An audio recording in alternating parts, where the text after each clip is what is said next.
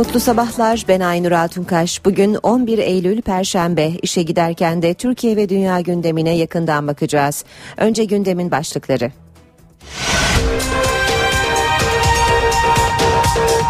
Amerika Birleşik Devletleri Başkanı Barack Obama Irak Şam İslam Devleti örgütüne karşı dört aşamalı bir plan izleneceğini açıkladı. Askerlerinin Irak'ta bir çatışmaya girmeyeceğini yineleyen Obama, IŞİD'e karşı bölgedeki koalisyon ülkelerinin destekleneceğini ve hava operasyonlarının aralıksız süreceğini belirtti. Suudi Arabistan bugün IŞİD'le mücadelenin ele alınacağı terörle mücadele toplantısına ev sahipliği yapacak. Toplantıya Türkiye, Amerika Birleşik Devletleri ve bölge ülkeleri katılacak. İstanbul Mecidiyeköy'de 10 işçinin hayatını kaybettiği asansör faciası ile ilgili 4 kişi tutuklandı. Türk Silahlı Kuvvetleri personeli ve işçi partisi üyelerinin de şüphelileri arasında bulunduğu karargah evleri soruşturmasında savcılık takipsizlik kararı verdi. Yalova'nın su sıkıntısına çözüm bulundu. Kurtköy Deresi'nden Gökçedere Barajı'na döşenen hat dün akşam açıldı. İşe giderken gazetelerin gündemi.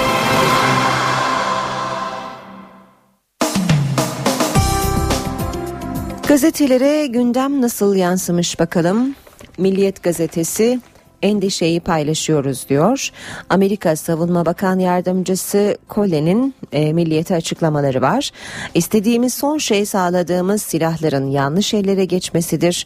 Rehinelerinizle ilgili durumun farkındayız. İşbirliği yapmayı önerdik başlıklarıyla Milliyet gazetesi haberi vermiş. Savunma Bakan Yardımcısının açıklamaları şöyle sürüyor. Amerika ve birçok ülke birkaç haftadır Irak güvenlik güçleri ve peşmerge güçlerini IŞİD tehdidine karşı mücadele ederken ihtiyaç duydukları silah ve diğer unsurlar konusunda desteklemek için çalışıyor. Bunu çok ciddiye alıyoruz ve silahların son durağı konusunda endişe ediyoruz. Bu dikkatli kontrol ettiğimiz, yakından gözlediğimiz bir mesele. Yine Milliyet Gazetesi'nden aktaralım. İnternet yasası Anayasa Mahkemesi'nde. Anayasa Mahkemesi'ne CHP İzmir Milletvekili Rıza Türmen torba yasada yer alan TİB'in mahkeme kararı olmaksızın internet bilgilerini koşulsuz ve sınırsız şekilde alabilmesi uygulamasını Anayasa Mahkemesi'ne götüreceklerini açıkladı. Türmen bu yasa Anayasa Mahkemesi ya da Avrupa İnsan Hakları Mahkemesi'nden döner dedi. Dün meclisten geçen e, torba yasadan ne çıktı başlığıyla derlemiş haberi Milliyet. 31 Aralık'a kadar 35 bin yeni öğretmen ataması yapılacak. Özelleştirmede hayata geçirmenin mümkün olmadığı 5 yargı kararı yok hükmünde. E, madencilerin çalışma süresi haftada 35 saat, emeklilik yaşı 47 oluyor. Doğum borçlanmasıyla 6 yıl erken emeklilik hakkı veriliyor kadına. Kamulaştırmadan ev kamulaştırmadan ev altından metro geçebilecek. Sosyal Güvenlik Kurumu 3 tüp bebek için harcamaları karşılayacak. Kamu alacaklarında faiz, yurt içi üfe oranlarından hesaplanacak diye devam ediyor haber. Yine Milliyet gazetesinden aktarmaya devam edelim. Üretime dalmışlar. Asansör kazası ile ilgili bakanlık müfettişlerinin araştırmalarının ilk sonuçları ortaya çıktı. Üçü büyük 21 ihmal tespit eden teftiş kurulunun başkanı Mehmet Tezel bunlar üretime dalıp emniyeti unutmuşlar. Facianın temel nedeni asansörü en üstte tutması gereken stoperlerin olmaması, yükle insanın beraber taşınması ve asansörü acemi işçilerin kullanması dedi.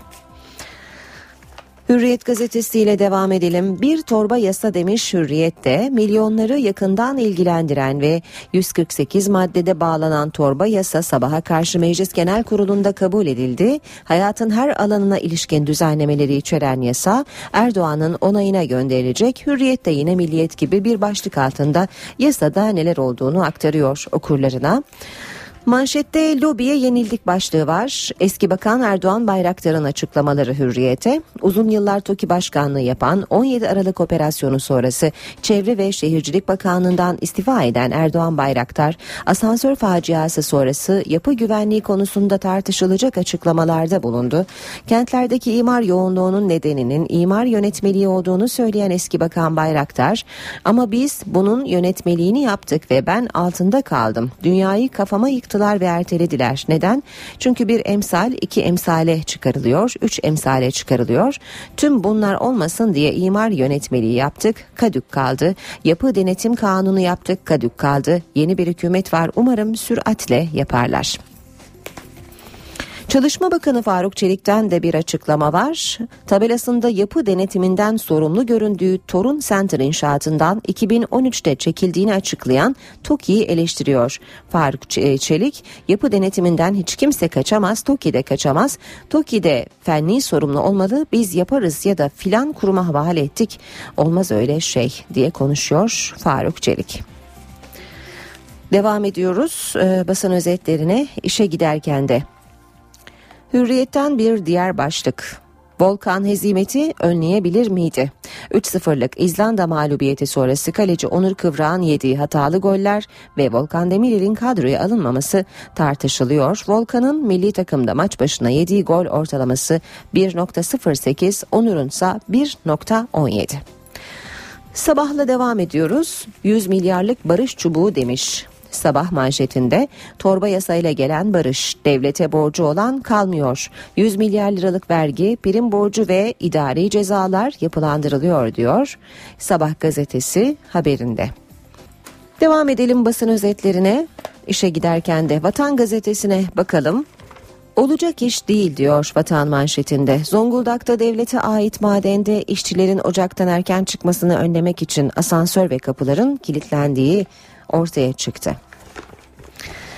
Ders e, Soma ders olmadı. Türkiye Taş Kömürü Kurumu'na e, ait 1800 işçinin çalıştığı Üzülmez İşletme Müdürlüğü maden ocağındaki uygulama 2011'de başlatıldı. Ocakta üretimi arttırmaya yönelik tedbirler kapsamında işçiler madene girdikten sonra kapı ve asansörler kilitleniyor. İşçiler adeta ölüme mahkum ediliyor diyor Vatan Gazetesi haberinde e, asansörde bulunan işçilerin e, üzerine e, kapının da kilitlendiğini gösteren bir fotoğrafı görüyoruz Vatan Gazetesi'nde. Çekirdek zirve yine vatandan bir başlık.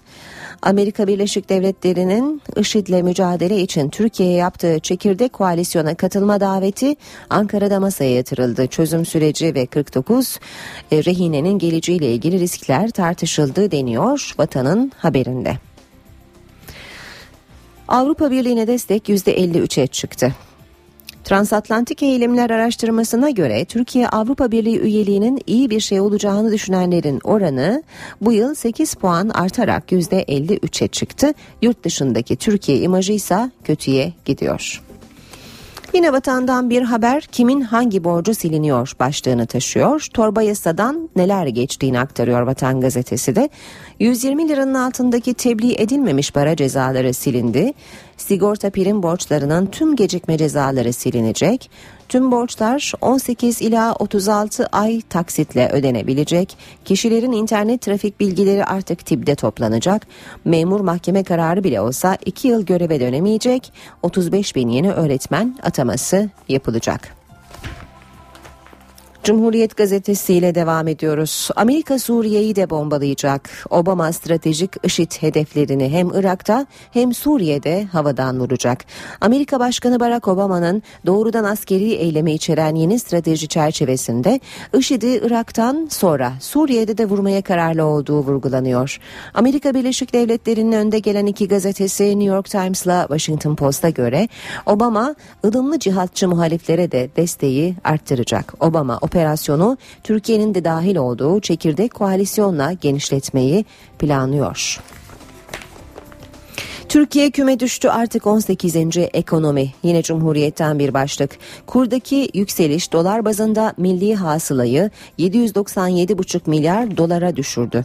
Büyüme ikinci çeyrekte beklentilerin altında kaldı ve %2,1 olarak açıklandı. Kurdaki yükseliş dolar bazında milli hasılayı 797,5 milyar dolara düşürdü. En önemlisi 2023'te ilk 10 hedefi koyulan Türkiye ekonomisi bu milli gelirle bir basamak geriledi ve dünyanın en büyük 18. ekonomisi oldu. Habertürk'le devam ediyoruz. Kırmızı asansör demiş Habertürk'te manşette. 300 bin asansörün 200 bini hiç denetlenmedi. 24 bini ise bilinmesin diye etiketli binilmesin diye etiketli. Yurt çapında 300 bin asansör araştırıldı diyor gazete. Sadece üçte biri kontrol ediliyor. Çoğu riskli. Makine Mühendisleri Odası bu yıl 24.326 asansöre kırmızı etiket taktı. Star gazetesinde paraleli kolla bakanı yok say başlığı manşette. HSYK 3. 3. dairesi skandalda sınır tanımıyor. HSYK Başkanı Bozdağ'ın inceleme izni verdiği dosyaları yok hükmünde sayarak yasaları çiğneyen daire darbe soruşturması yürüten savcıları da haklarında inceleme yapmakla tehdit ediyor demiş Star haberinde. Yeni Şafak gazetesi Türkiye oyuna gelmez diyor. Amerika'nın başını çektiği koalisyonun Türkiye'yi IŞİD'e karşı kara harekatına dahil etme planı masaya yatırıldı. Başbakanın başkanlığında toplanan güvenlik zirvesinde kara ve hava harekatına kesinlikle katılmama kararı alındı. Ve Zaman Gazetesi'ne de bakalım son olarak. Torbadan yasak çıktı diyor zamanda manşette. 35 bin öğretmen kadrosu açılması, vergi ve SSK borçlarına ödeme kolaylığı gibi halka sempatik gelecek düzenlemeleri içeren torba yasanın içinden telafisi mümkün olmayan yasaklar çıktı. Muhalefet ve halk tepkili bu yasakları şöyle sıralamış. Zaman, tip yargı kararı olmadan internet sitelerine erişim engelleyebilecek, görevden alınan memura yargı kararı olsa bile dönüş yolu kapandı. Şirketler gerçek dışı kasa alacak, kayıtlarını düzeltecek, rüşvet verenler temize çıkacak diyor zaman. Saat 7.18 işe giderken gündemin öne çıkan haberleriyle devam ediyor. Amerika Başkanı Barack Obama, Irak Şam İslam Devleti örgütüne karşı ülkesinin dört aşamalı bir plan izleyeceğini açıkladı. Obama konuşmasına IŞİD'in İslam'la alakası olmadığını ve bir terör örgütü olduğunu söyleyerek başladı. Obama ilk aşamada Amerika'nın IŞİD'e karşı hava operasyonları düzenleyeceğini, böylelikle IŞİD'in kapasitesinin düşürülerek yok edileceğini belirtti. Bugüne kadar yüzden fazla hedefin vurulduğunu belirten Başkan Başkan Obama Suriye'ye de saldırı düzenleyebileceklerinin sinyalini verdi. Obama planın ikinci aşamasında Amerika'nın Irak ordusuna ve sahada IŞİD'le mücadele eden partner ülkelere desteğin süreceğini söyledi. Üçüncü olarak terörle mücadele kapasitesinin artırılacağını söyleyen Obama, IŞİD'e sağlanan mali desteği kesmeye çalışacaklarını belirtti. Operasyonun son aşamasında ise Irak'a insani yardımın sağlanmaya devam edileceğini açıkladı. Obama, Amerika'nın IŞİD'e yönelik bir kara harekatı yapmayacağını, bölgede kurulan geniş bir koalisyon gücüne liderlik ettiğini söyledi. Obama'nın IŞİD'le mücadele stratejisini açıklamasının ardından Pentagon'dan da bir açıklama geldi. Savunma Bakanı Chuck Hagel, Amerikan ordusunun IŞİD'e karşı misyonu yerine getirmek için başkomutanın emirlerini uygulamaya hazır olduğunu belirtti. Obama'nın bu açıklamasından saatler önce Amerika Birleşik Devletleri'nde Irak Şam İslam Devleti alarmı verildi. İç Güvenlik Bakanlığı IŞİD'le bağlantılı militanların Meksika sınırından ülkeye girmeyi planladıklarını açıkladı. Senatoya sunum yapan bakan yardımcısı Francis Taylor, IŞİD sempatizanları arasındaki sosyal medya yazışmalarında bu ihtimali dile getirdiklerinin tespit edildiğini anlattı. İstihbarat ve sınır güvenliklerinin yeterli olduğunu savundu. Cumhuriyetçi Senatör John McCain ise bin binlerce kişinin Amerika sınırlarından yakalanmadan geçebildiğine işaret ederek IŞİD'e ilişkin istihbaratın büyük tehdit arz ettiğini söyledi. Suudi Arabistan bugün IŞİD'le mücadelenin ele alınacağı terörle mücadele toplantısına ev sahipliği yapacak. Toplantıya Türkiye, Amerika Birleşik Devletleri ve bölge ülkeleri katılacak. Amerika IŞİD'e karşı oluşturulacak koalisyonda özellikle Suudi Arabistan'ın desteğini yanına almayı hedefliyor. Başbakanlıkta dün güvenlik zirvesi yapıldı. Başbakan Ahmet Davutoğlu başkanlığındaki toplantıya Genelkurmay Başkanı ve MİT Müsteşarı da katıldı. Toplantıda sınırdaki kaçakçılık olayları, Irak'tan kaçan Ezidilerin durumu, IŞİD'le mücadele çerçevesinde sınır güvenliği, Amerika ve NATO ile istihbarat paylaşımı konuları ele alındı. Cumhurbaşkanı Recep Tayyip Erdoğan iki günlük resmi bir ziyaret için 14 Eylül pazar günü Katar'a gidecek. Cumhurbaşkanlığı kaynakları Suriye konusunda Türkiye'nin önemli bir müttefiki olan Katar'a yapılacak ziyaretin önemine dikkat çekiyor. İşe giderken İstanbul Mecidiyeköy'deki asansör faciası ile ilgili 4 kişi tutuklandı. Zanlılar tedbirsizlik nedeniyle birden fazla kişinin ölümüne neden olmakla suçlanıyor. Mecidiyeköy'deki inşaatta 6 Eylül'de meydana gelen asansör faciası soruşturmasında 4 kişi tutuklandı. Dün adliyeye sevk edilen 11 kişiden 6'sı için savcılık tutuklama istedi. 5 kişi ise ifadelerin ardından serbest bırakıldı. Zanlara yöneltilen suçlama tedbirsizlik nedeniyle birden fazla kişinin ölümüne neden olmak. Şüphelilere asansörün paraşüt sisteminin olup olmadığı, stoperlerin çalışıp çalışmadığı gibi teknik ayrıntılarda soruldu. Ayrıca deneyimsiz işçilerin asansör sorumlusu yapıldığı iddiası ile ilgili sorular da yöneltildi. Mahkeme 4 saatlik sorgunun ardından proje müdürü Murat Aytimur, şantiye şefi Önder Türksoy ve asansör teknikerleri Adem Akyıldız'la Turgay Dalgıç'ın tutuklanmasına karar verdi. Asansör firması genel müdürü Orhan Demirel ve inşaat firması muhasebe müdürü Metin Karakoç ise adli kontrol şartıyla serbest bırakıldı. Cumartesi günü Mecidiyeköy'de eski Ali Samiyen stadının bulunduğu arazideki rezidans inşaatının asansörü 32. kattan zemine çakılmış, 10 işçi hayatını kaybetmişti. Asansör faciasına ilişkin müfettişlerin ilk inceleme sonuçları ortaya çıktı. Tespitlerden biri 10 işçiye mezar olan yük asansöründe gerekli önlemlerin alınmadığı yönünde. Açıklamayı Çalışma ve Sosyal Güvenlik Bakanlığı Teftiş Kurulu Başkanı Mehmet Tezel yaptı. Edindiğimiz ilk izlenim asansör boşluğu şaftına geçici yük asansörleri monte edilmiş. Bu yük asansörlerinde insanlar da taşınıyor. Yedek emniyet halatlarının, paraşüt sisteminin efendim, olması gerekirdi. İstanbul'daki asansör faciasına ilişkin müfettişlerin ilk tespitleri ortaya çıktı. Kazadan hemen sonra olay yerine giden müfettişler inşaat alanı ve asansörde inceleme yaptı. Gerekli görüntüleri aldılar. İlk incelemede yük asansöründe gerekli önlemler alınmadan işçi taşındığı tespit edildi. Müfettişler asansörün durmasını sağlayacak düzeneğin çalışmadığını da belirledi. Asansör üst limite, emniyetli limiti geçtiğinde durması lazım. Durmamış, oradan çıkmış. Burada bir stoperi, emniyet switchleri yok. Veya var çalışmıyor. Bu bir fevkalade önemli bir zafiyet. Çalışma ve Sosyal Güvenlik Bakanlığı Teftiş Kurulu Başkanı Mehmet Tezel, 2014 yılında asansör kazasının yaşandığı iş yerinde teftiş yapıldığını ve 21 eksiklik belirlendiğini söyledi. 21 adet eksiklik tespit edilmiş. Giderebildiği riskler oldu. Gideremediği risklerle alakalı da idari para cezası yazdı. Bakanlık müfettişlerinin incelemeleri doğrultusunda rapor tamamlanacak. Hükümet inşaatlarda iş güvenliği ile ilgili Uluslararası Çalışma Örgütü Sözleşmesi'nin Ekim ayında onaylanmasını planlıyor. NTV canlı yayınına katılan Kalkınma Bakanı Cevdet Yılmaz, İLO Sözleşmesi'nin meclisin yeni döneminin öncelikli gündem maddelerinden biri olacağını söyledi. Sözleşmeye göre inşaatlarda güvenlik, yapımın esas üstlenicisi şirket, ayrıca bu faaliyetleri fiilen kontrol eden kişi ya da kuruluşların sorumluluğunda olacak. CHP iş kazalarının önlenmesine ilişkin bir kanun teklifi hazırladı. Teklif özel kamu ayrımı yapılmaksızın tüm yapıların denetim kanununa tabi olmasını içeriyor. Yazılı açıklama yapan Grup Başkan Vekili Akif Hamza Çebi, teklifte TOKİ'nin yapı denetimi kanununa tabi olması, TOKİ'ye sağlanan muafiyetlerin TOKİ aracılığıyla devlete iş yapan şirketlere yaygınlaştırılmasının önlenmesi maddeleri var. Hamza Çebi tüm siyasi partileri teklife sahip çıkmaya davet etti. Türk Silahlı Kuvvetleri personeli ve İşçi Partisi üyelerinin de şüphelileri arasında bulunduğu karargah evleri soruşturmasında savcılık takipsizlik kararı verdi. Savcılık karara gerekçe olarak suçlamalarla ilgili somut delil elde edilemediğini gösterdi. Kararda ayrıca şüphelilerin yaptığı telefon görüşmelerinin bir bilgisayar programı kullanılarak bilgileri dışında birbirleriyle irtibatlandırılmış olabileceği belirtildi.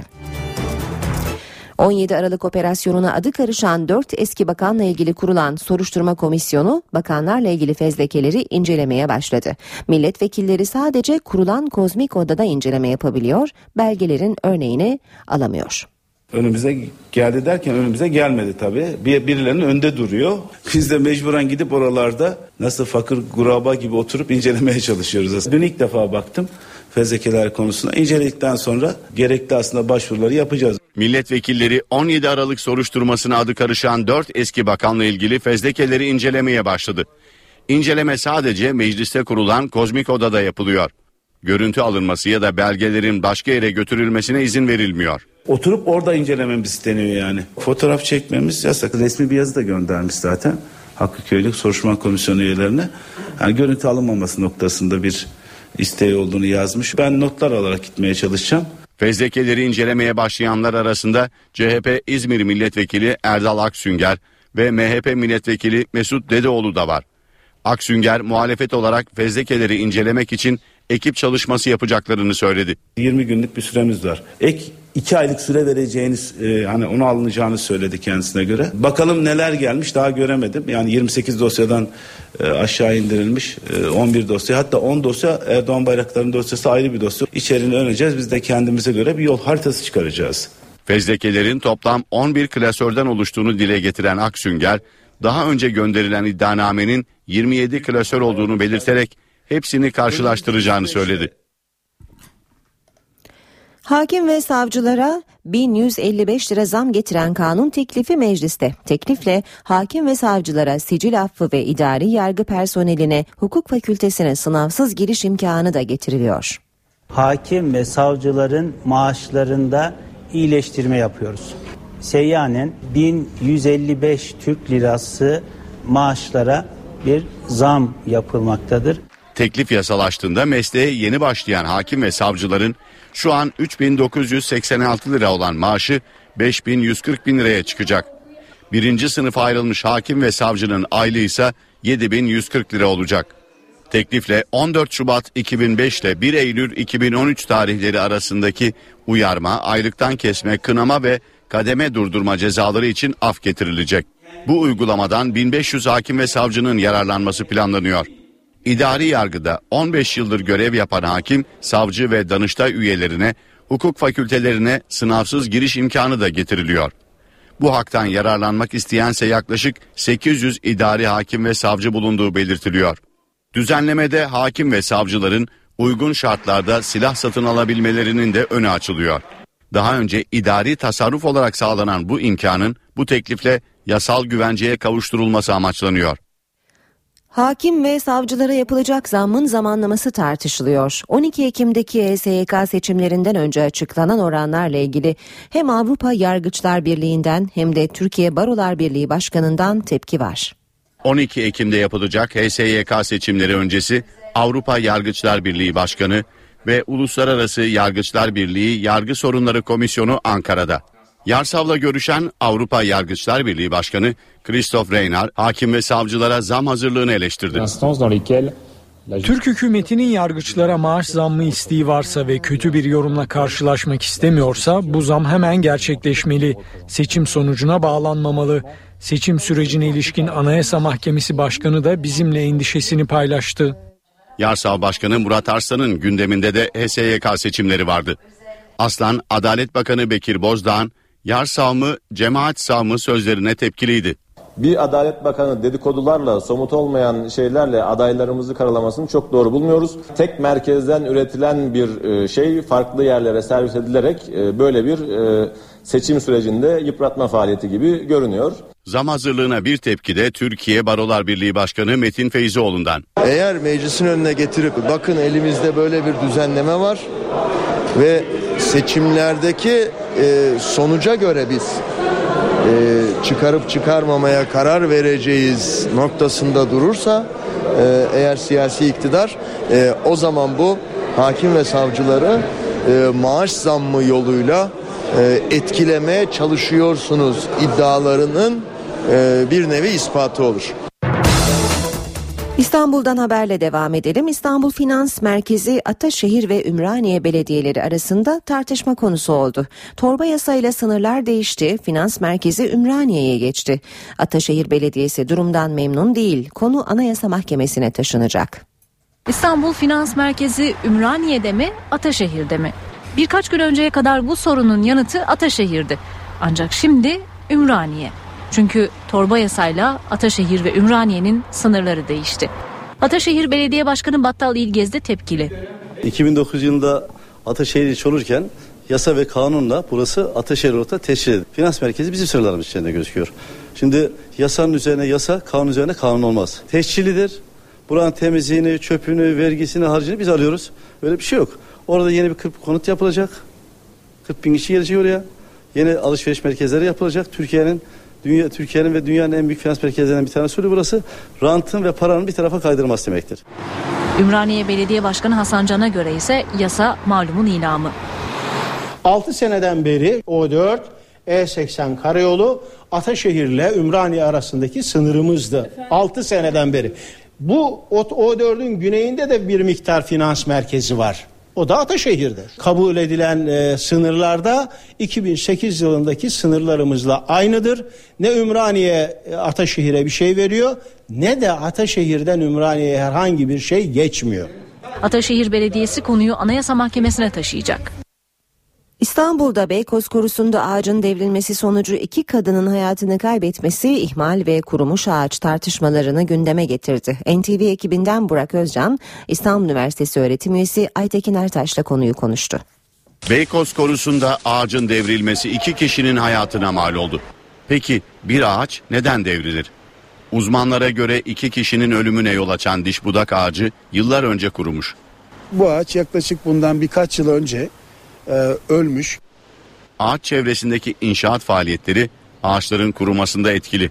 Hemen alt kısmında istinat duvarı çalışmasının yapıldığını ve belli ölçüde kök yayılışının etkilendiğini, üst kısımda da e, bir su borusu hattı çalışmasının yapıldığını gözlemliyoruz. Ağaçlar bu dikili kuru hale gelmeden önce e, birçok belirtiler sunmaktadırlar. Örneğin yapraklarını erken sarartmaktadırlar. Yaprakları küçülmektedir. Bol miktarda tohum vermeye çalışmaktadırlar.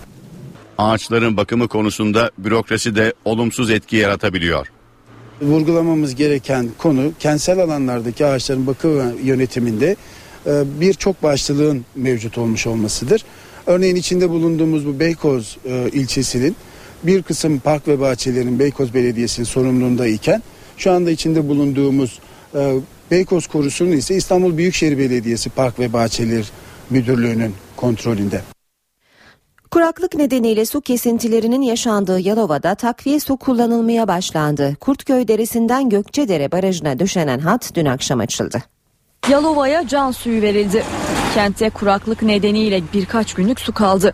Belli aralıklarla su kesintisi yapılmaya başlandı. Durumu önceden fark eden yetkililer çözüm için Kurtköy Deresi'nden takviye yapılmasına karar verdi. Yaklaşık 2 aylık çalışma sonucunda 7 kilometrelik hat döşendi ve dün akşam saatlerinde baraja can suyu verildi.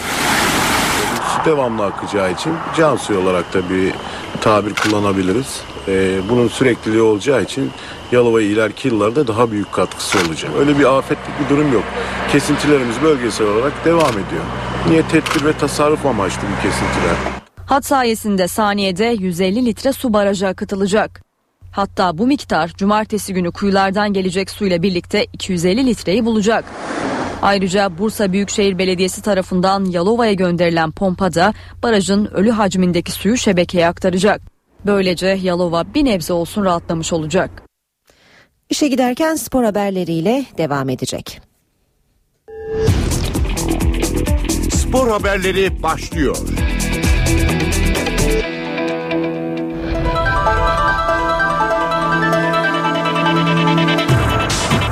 Fenerbahçeli yöneticiler Trabzonspor maçına Pasoli kartı olmadan giremeyecek. Bordo Mavili kulübün yöneticilerinden Köksal Sadıklar bunun kendileriyle ilgili olmadığını belirterek yanlış anlaşılmasını uyarısı yaptı. Trabzonspor'la Fenerbahçe arasında Avni Aker Stadı'nda yapılacak maç öncesi Trabzon'da İl Spor Güvenlik Kurulu toplantısı yapıldı. Toplantıya katılan Trabzonspor Kulübü Stadyum ve Amatör İşler Sorumlusu Köksal Sadıklar bir konuya dikkat çekti. Sadıklar Fenerbahçeli yöneticilerin Avni Aker Stadı'na pasolik kartı olmadan giremeyeceğini söyledi. Tüm stada olduğu gibi protokol tribününe de herkesin pasolik kartıyla girme zorunluluğunun olduğunu ve bunun Türkiye'nin her yerinde uygulandığını hatırlatan Bordo Mavili yönetici yanlış anlaşılmama uyarısı yaptı.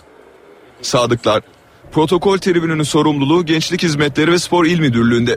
Maçı izlemek isteyen Fenerbahçe yöneticilerinin de pasolik kartı alması gerekiyor. Konunun bizimle ilgisi yok. Herhangi bir olumsuzlukta Trabzonspor Fenerbahçeli yöneticileri stada almıyor gibi bir durumla karşılaşmak istemiyoruz. Bu yasayla ilgili bir konu dedi. Sadıklar Fenerbahçe, Beşiktaş ve Galatasaray'la aralarındaki deplasman yasağını sürdüğünü, bu maçta da Sarı Lacivertli takım taraftarının yer almayacağını kaydetti. Fenerbahçe'de Trabzonspor maçı öncesi sakatlık sorunu yaşanıyor. Sarı lacivertli takımda Caner Erkin ve Raul Meireles yaklaşık 2 hafta sahalardan uzak kalacak.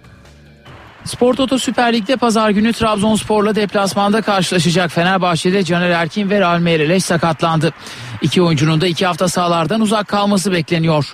Milli takımın İzlanda ile oynadığı maçta sakatlanan Caner Erkin'in sağ ayağında kısmi yırtık ve kemik ödemi olduğu anlaşıldı.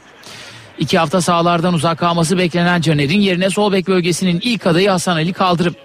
Ağrı hissettiği için antrenmanı tamamlayamayan Real Meireles kontrolden geçirildi. Çekilen MR sonucunda Portekizli oyuncunun sol arka adelesinde ikinci dereceden yırtık tespit edildi. Benzer durumu Şubat ayında oynanan Sivasspor maçında soğuk yaşamış ve iki hafta takımdan ayrı kalmıştı. Teknik direktör İsmail Kartal'ın Meireles'in yokluğunda Diego'yu orta alanda hücuma dönük kullanması gündemde. Sakatlığın ardından takımla çalışmalara başlayan Bruno Alves'in ise Trabzonspor maçında oynaması bekleniyor. Bu durumda Kadets yedek kulübesinin yolunu tutacak. Öte yandan milli takım kampından ağrıyla dönen Mehmet Topal'ın durumunda ciddi bir endişe olmadığı belirtildi. Milli futbolcu hafta sonundaki maçta görev alabilecek. Cezalı Volkan Demirel ve Egemen Korkmazsa Trabzonspor maçında oynayamayacak. Galatasaray Başkanı Ünal Aysal yurt içinde ve dışında farklı forma sponsorluklarıyla mücadele edeceklerini söyledi. Divan kurulu toplantısında konuşan Başkan Aysal yapmaya planladıkları mali projeleri de açıkladı. Bir aslanın dişlerini gördüğünüzde sakın ola size gülümsediğini zannetmeyin. Galatasaray Kulübü'nün Eylül ayı olan divan kurulu toplantısına Başkan Ünal Aysal'ın bu sözleri damga vurdu. Aysal, Ekim ayında olağanüstü mali genel kurul yaparak kulübün mali yapısını güçlendirecek kararlar alacaklarını söyledi. Aysal Mali Genel Kurul'da sunulacak projeleri de açıkladı. Yılda yaklaşık 40 milyon TL'nin üstünde bir bütçeyi kullanan kız ve erkek basketbol takımlarımızın yeni kurulacak bir AŞ altında gerçek bir profesyonel yapıya kavuşturularak futbolda olduğu gibi kulübe yük olmadan kendi imkanlarıyla başarılarını sürdürmesi, yurt içi ve yurt dışı gelir imkanlarına kavuşması. Futbol ve basketbolda yurt içi ve yurt dışında iki yönlü bir sisteme girerek gelir ve kazançlar ile bu iki önemli spor dalında yalnız Türkiye'de değil Avrupa'da da sürekli başa oynayan lider takımları yaratmak. Bu projemizin ismini Galatasaray Global olarak tanımlamak istiyoruz. Aysal forma sponsorluğu konusunun bir hafta içinde çözüleceğini söyledi.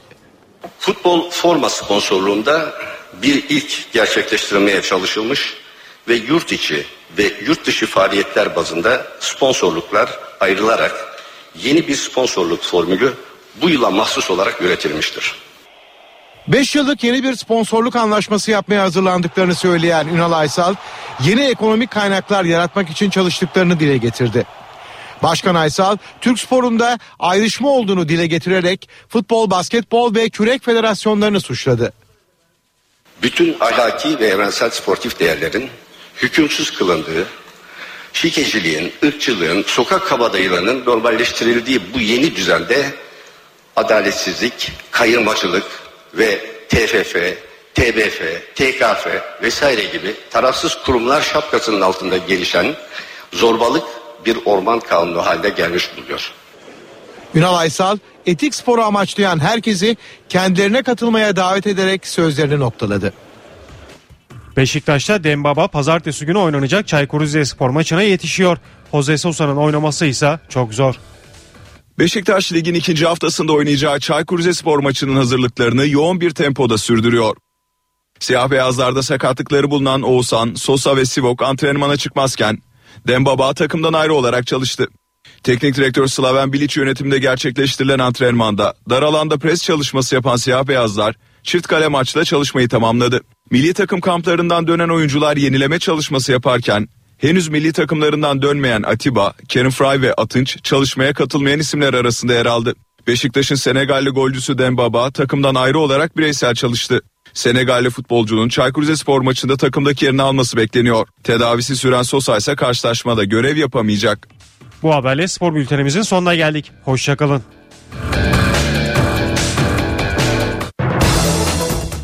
Gündemin öne çıkan haberlerine bakmaya devam ediyoruz. Amerika Başkanı Barack Obama, IŞİD'e karşı mücadelede dört aşamalı stratejisini açıkladı. Plana göre Amerikan ordusu Irak ve Suriye'ye ayak basmayacak ancak sahadaki partner ülkeleri hava operasyonlarıyla destekleyecek. Amerika Birleşik Devletleri Başkanı Barack Obama günlerdir beklenen Irak Şam İslam Devleti örgütüne karşı mücadele stratejisini açıkladı. Obama konuşmasına IŞİD'in İslam'la ilgisi yok, Müslümanları öldürüyor diyerek başladı.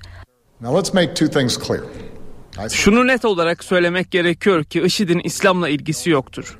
IŞİD masum insanları öldürmektedir ve öldürdüğü kişilerin çoğu da Müslümandır.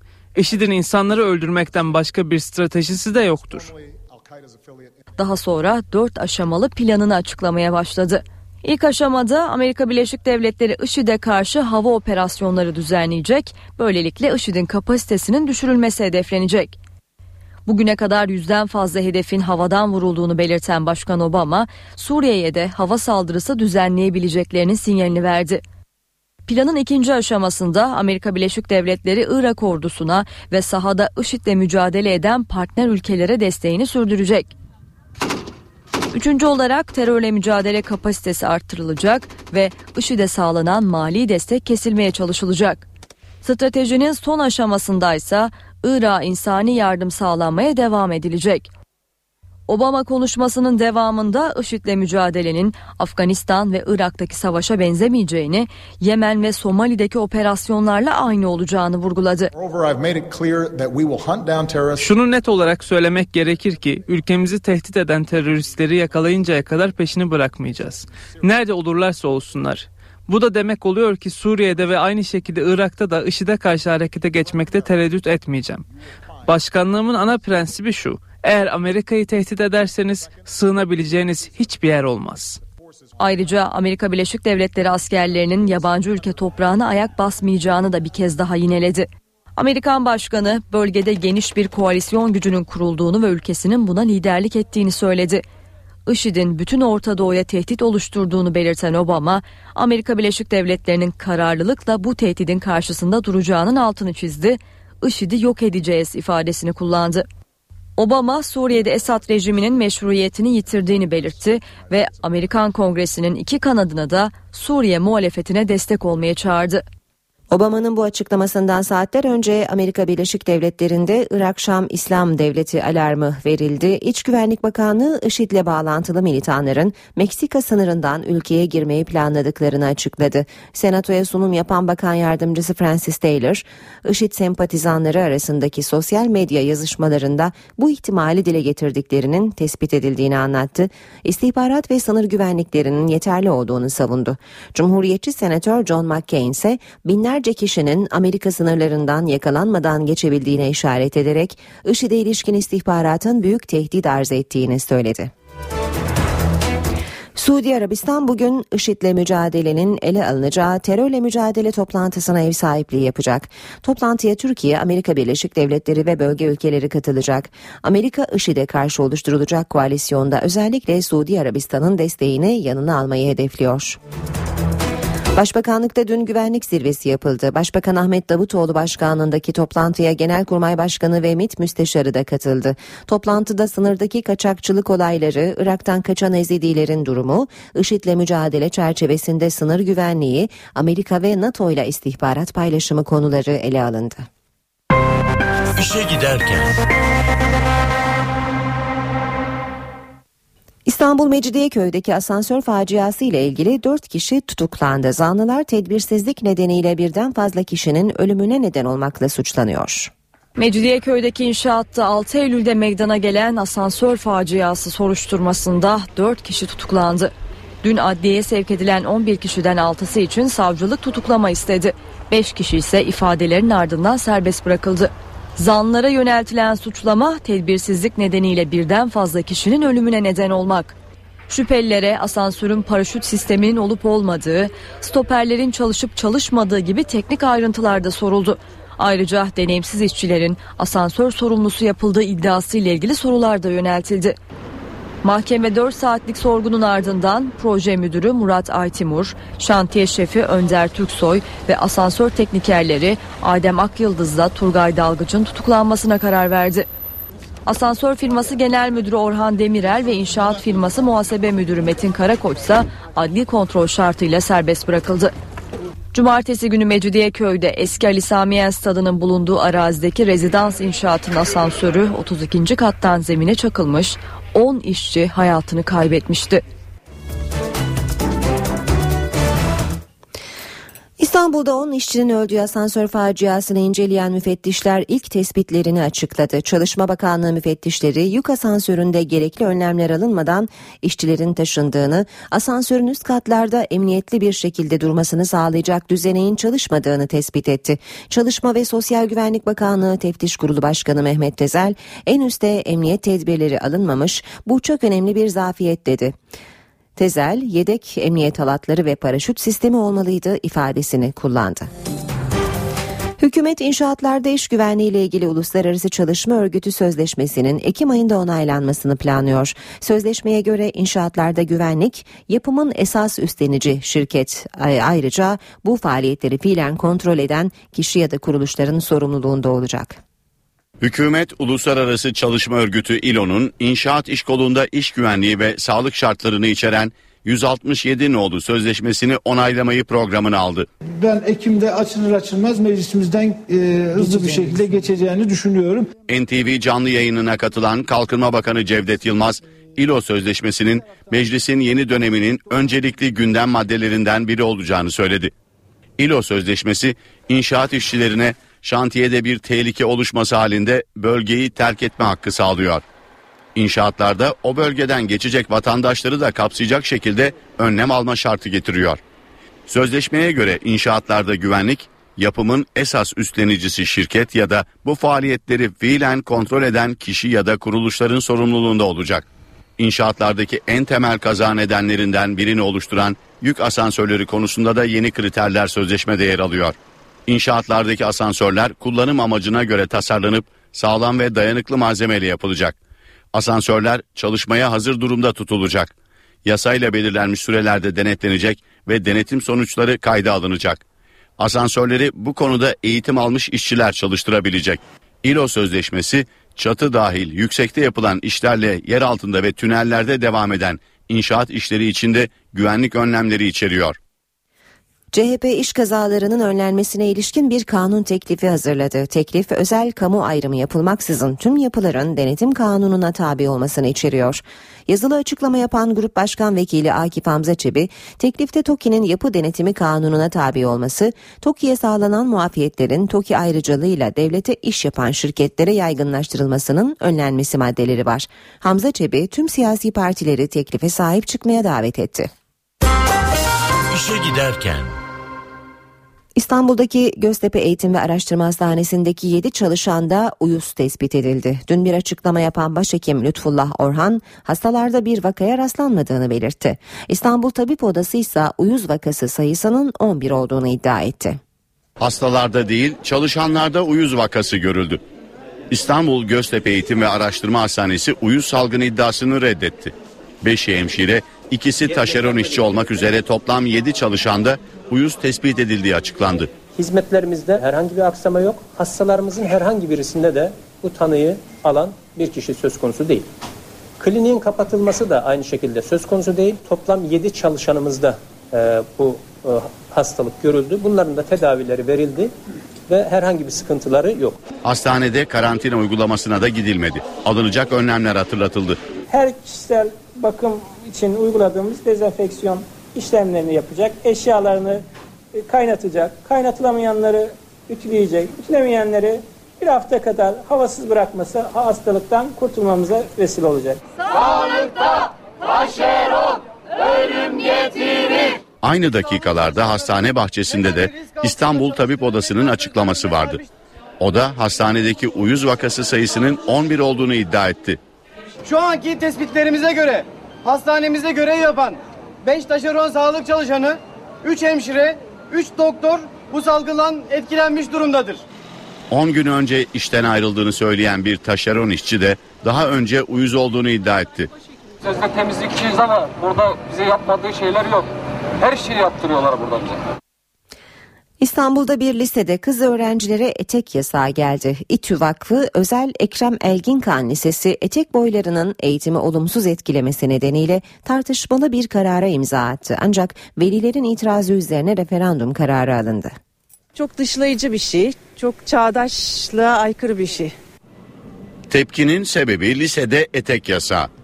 İTÜ Geliştirme Vakfı Özel Ekrem Elginkan Lisesi'nde etek giymek yasaklandı. Gerekçe olarak etek boylarının eğitimi olumsuz etkilemesi gösterildi. Kız öğrenciler artık pantolon giyiyor. İTÜ gibi son derece ilerici bir kurumun çatısı altında böyle bir karar alınmasına son derece şaşırdık. Kabul edilemez buluyoruz biz bu hadiseyi çünkü e, çocukların özgürlüklerine yapılmış bir müdahale bu. Okul yönetiminin okul aile birliği üyeleriyle Mayıs ayında aldığı karar okul müdürü tarafından 5 Eylül'de velilere gönderilen e-posta ile bildirildi. Bu karar bazı velilerin tepkisini çekti.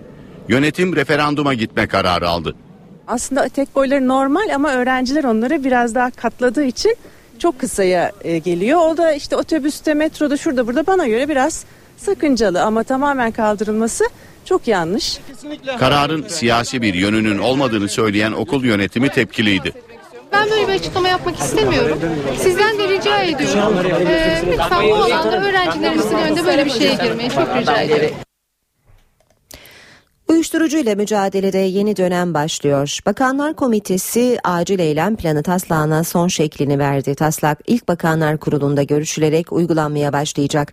Son zamanlarda artan uyuşturucu vakaları üzerine oluşturulan Bakanlar Komitesi ikinci toplantısını yaptı. Adalet, Aile, Spor, İçişleri, Milli Eğitim, Çalışma ve Sağlık Bakanlarının katılımıyla oluşturulan komite, Çalışma Komisyonu'nun hazırladığı acil eylem planına son halini verdi. Taslak ilk Bakanlar Kurulu toplantısında ele alınarak uygulama aşamasına geçilecek.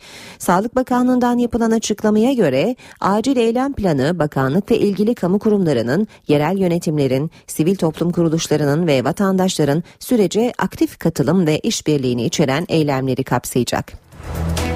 Milli Eğitim Bakanlığı bu yıl özel okullara yeni kayıt yaptıracak öğrencilerden devlet desteği almaya hak kazananların yerleştiği okulları açıkladı. Öğrenciler sonucu bakanlığın internet sitesinden öğrenebilir. Bu yıl ilk kez uygulanan sistem kapsamında 180 bin öğrenci teşvik başvurusunda bulunmuş ve 2500 ile 3500 lira arasında devlet yardımı almaya hak kazanmıştı. Bu öğrenciler 5-9 Eylül tarihleri arasında tercihlerini yaptı ve e, dün itibarıyla da yerleştikleri okullar açıklandı. Öğrenciler 18 Eylül'e kadar kayıtlarını yaptırabilecek. Milli Eğitim Bakanlığı teşvik için ayrılan 250 bin kişilik kontenjanın 70 bininin boş kalması üzerine ikinci bir başvuru dönemi başlatmıştı. Bu kapsamda da 18 Eylül'e kadar başvurular devam edecek. Destekten yararlanacak ikinci grup öğrenci ise 19 Eylül'de ilan edilecek. Manisa'nın Soma ilçesinde bir yük treni bir araca çarptı 3 kişi yaşamını yitirdi. Manisa'dan Balıkesir'e yük taşıyan yük treni Beyce mevkiinde kontrolsüz bir hemzemin geçitten geçmeye çalışan bir kamyonete çarptı. Kamyonet çarpmanın etkisiyle yaklaşık 200 metre sürüklendi. Kazada araç içinde bulunan 3 kişi hayatını kaybetti. Yaşamını yitiren 3 kişinin kavun tüccarlığı yaptığı öğrenildi. Kocaeli'de ise tırdan devrilen suntalar yol kenarında bekleyenlerin üzerine düştü. Bir kişi hayatını kaybetti. 59 yaşındaki Basri Korkmaz evinin önündeki durakta otobüs bekliyordu. Bu sırada yoldan geçen tırın dorsesindeki suntalar kaydı ve Korkmaz'ın üzerine düştü. Ağır yaralanan 59 yaşındaki Korkmaz hastanede hayatını kaybetti. Sivas'ta etkili olan şiddetli yağış sele yol açtı. Çok sayıda evi su bastığı hayvanlar telef oldu. Altınyayla ilçesinde akşam saatlerinde aniden bastıran yağmur nedeniyle dereler taştı. İstinat duvarları yıkıldı. Ahırlarda bulunan çok sayıda büyükbaş hayvan telef oldu. Bazı köprülerde kullanılamaz hale geldi. İşe giderken de beraberiz şimdi ekonomiden haberler vereceğiz. Hükümet et fiyatlarındaki artışa karşı yeni önlemlere hazırlanıyor. Üretici ve tüketici fiyatları arasındaki farkı dengelemek için besilik hayvan ithalatı yapılacak. Kasaplar Federasyonu'ndan karara destek var. Gıda Tarım ve Hayvancılık Bakanlığı besilik dana ithalatına izin vermeye hazırlanıyor. Kasaplar Federasyonu karara destek verdi. Bu bir zorunluluk. Büyük bir çoğunlukla sütçü ırktan oluşuyor ülkemizdeki büyükbaş hayvan varlığı. E, bunların besicilikte kullanılması çokça ekonomik değil. Bir miktar besi materyali takviyesine ihtiyacımız var. İthalat kararı sadece besiciler için geçerli olacak. Besiciler işletmelerindeki yerli hayvanların yüzde 40'ı kadar ithalat yapabilecek. Bakanlık bir yandan da et fiyatlarının dengelenmesi için komite kurulmasına hazırlanıyor. Önce besiciliğin Türkiye'de doğru bir şekilde yapılması gerekiyor. Doğru hayvan cinsi seçmek lazım. E biz bir yandan et üretimimizi artırırken öbür taraftan da süt üretimimizi dengede tutmamız lazım. Türkiye'de hayvan profili istenilen noktaya gelene kadar buna biz ihtiyaç duyacağız. Peki Kurban Bayramı yaklaşırken et fiyatları nasıl etkilenecek? Kurbandan sonra perakende satışlarda düşüş olur ancak toptan satışlarda e, devam eder. Şimdi Türkiye ve dünya gündeminin öne çıkan haberlerinden başlıkları bir kez daha hatırlatalım ardından başkent gündemine geçeceğiz.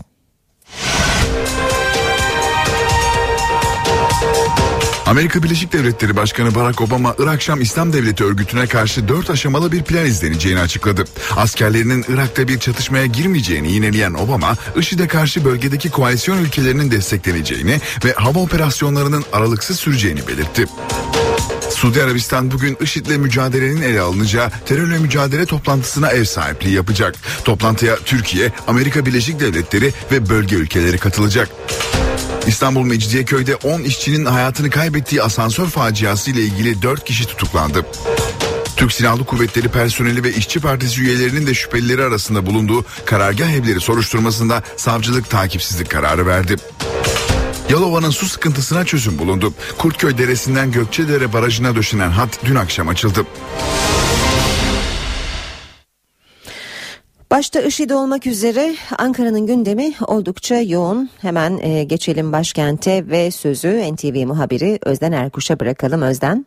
Aynı günden başlığını aktarmaya Cumhurbaşkanı Recep Tayyip Erdoğan'ın programıyla başlayalım. Bugün Perşembe Ankara'da Devlet Günü bu kapsamda Çankaya Köşkü'nde haftalık olağan görüşmeler gerçekleşecek. Cumhurbaşkanı Erdoğan ilk olarak saat 12.30'da İlk Müsteşarı Hakan Fidan'la görüşecek. Ardından saat 14'te Başbakan Ahmet Davutoğlu'nu kabul edecek. Olağan görüşmeler kapsamında son randevusunda ise Genelkurmay Başkanı Orgeneral Necdet Özel'le bir araya gelecek Cumhurbaşkanı Recep Tayyip Erdoğan.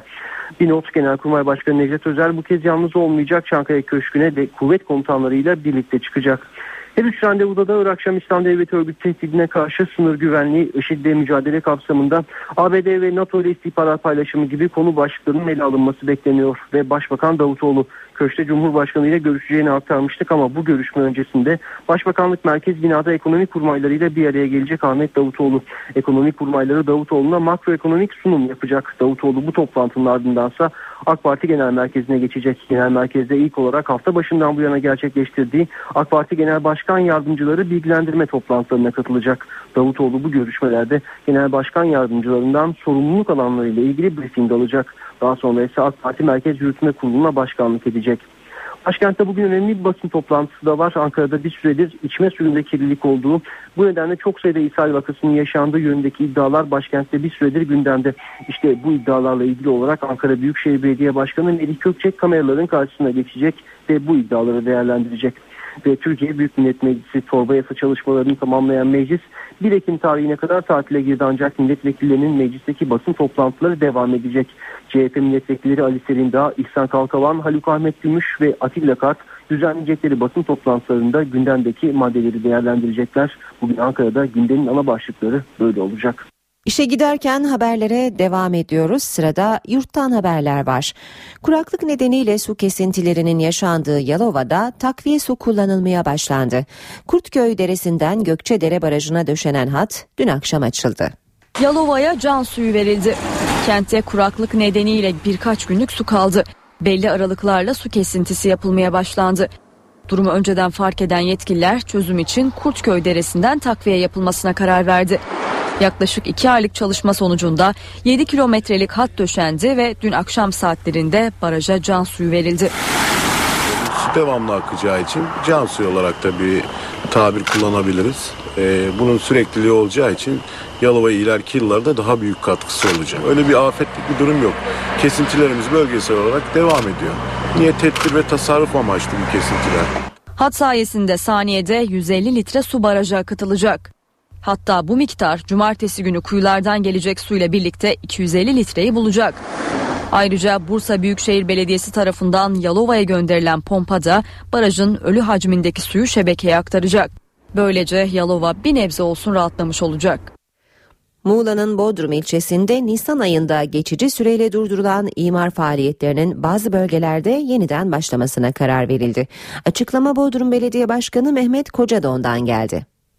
Özellikle Bodrum Merkez ve Torba birinci etap planları, Yalıkavak, Yalı, Gümüşlük, Mumcular ve köy yerleşim alanlarında imar uygulamaları devam edecektir arkadaşlar. Bunları şu anda açıyoruz. Bunun yanında Göktürkbükü, Bites, Orta Kent'te bakanlıkta biliyorsunuz e, askı süresindedir planlar. Gelir gelmez bunları da açıyoruz.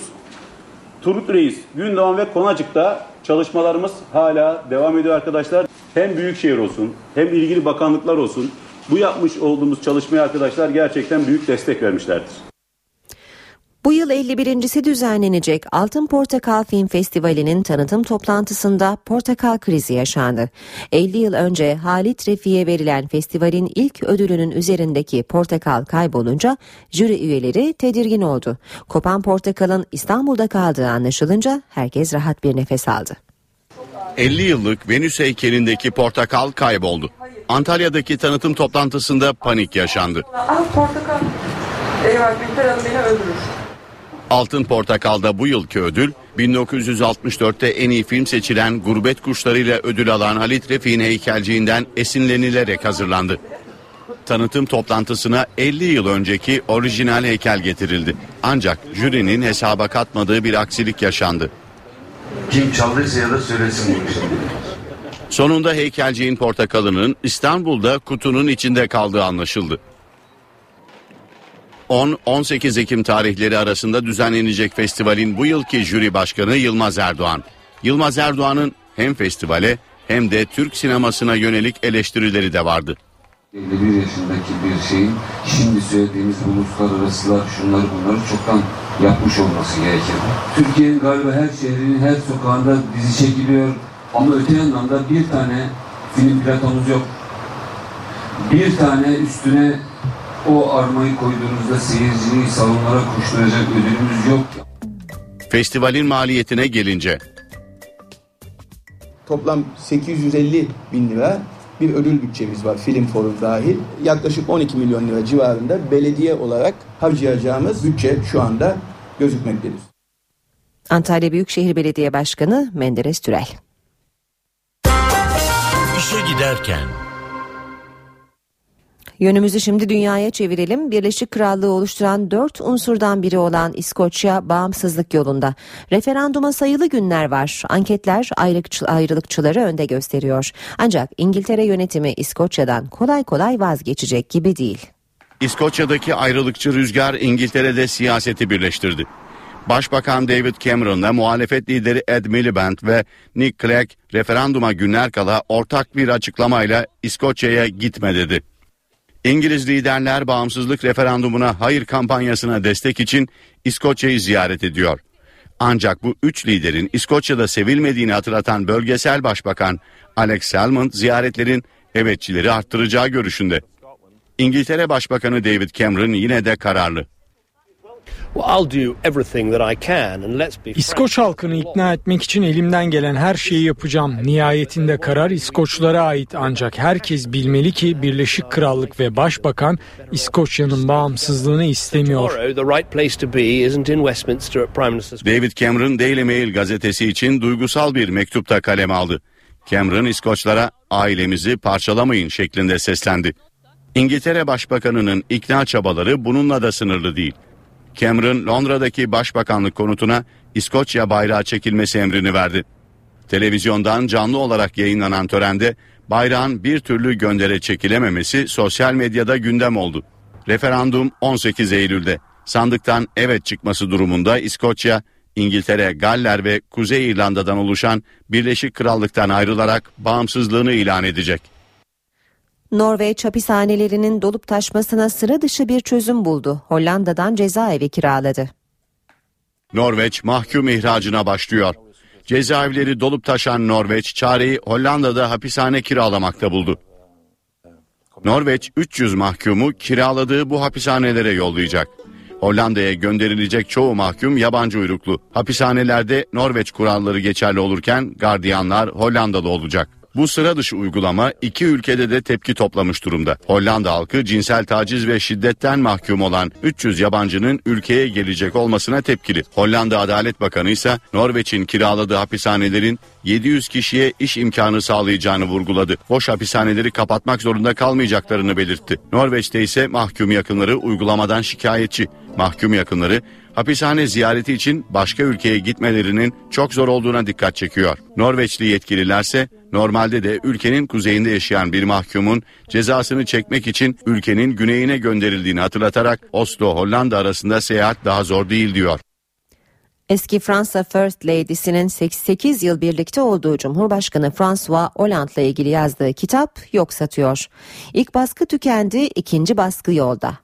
Fransa Cumhurbaşkanı François Hollande'ın özel hayatına dair bilgiler içeren eski First Lady Valérie Trierweiler'in kaleme aldığı kitap satış rekoru kırdı. 200 binlik ilk baskı tükendi. Fransa'nın yanı sıra yurt dışından da gelen yoğun talep üzerine kitabın ikinci baskısı için sipariş verildi. Kitapta Hollande için olumsuz bir tablo çizilirken Cumhurbaşkanı duygusuz olarak tanımlanıyor. Ayrıca kitapta Hollande'ın yoksulları hor gördüğü ve onları dişsizler olarak adlandırdığı da ifade ediliyor. Kitabın etkisi Hollande'ın siyasi hayatına da yansımış durumda. Kamuoyu anketleri Fransızların sadece %13'ünün Fransa Hollanda güvendiğini ve seçim olsa oy oranının %16'da kalacağını gösteriyor. Hollande 2012 yılında %51 oyla Cumhurbaşkanı seçilmişti.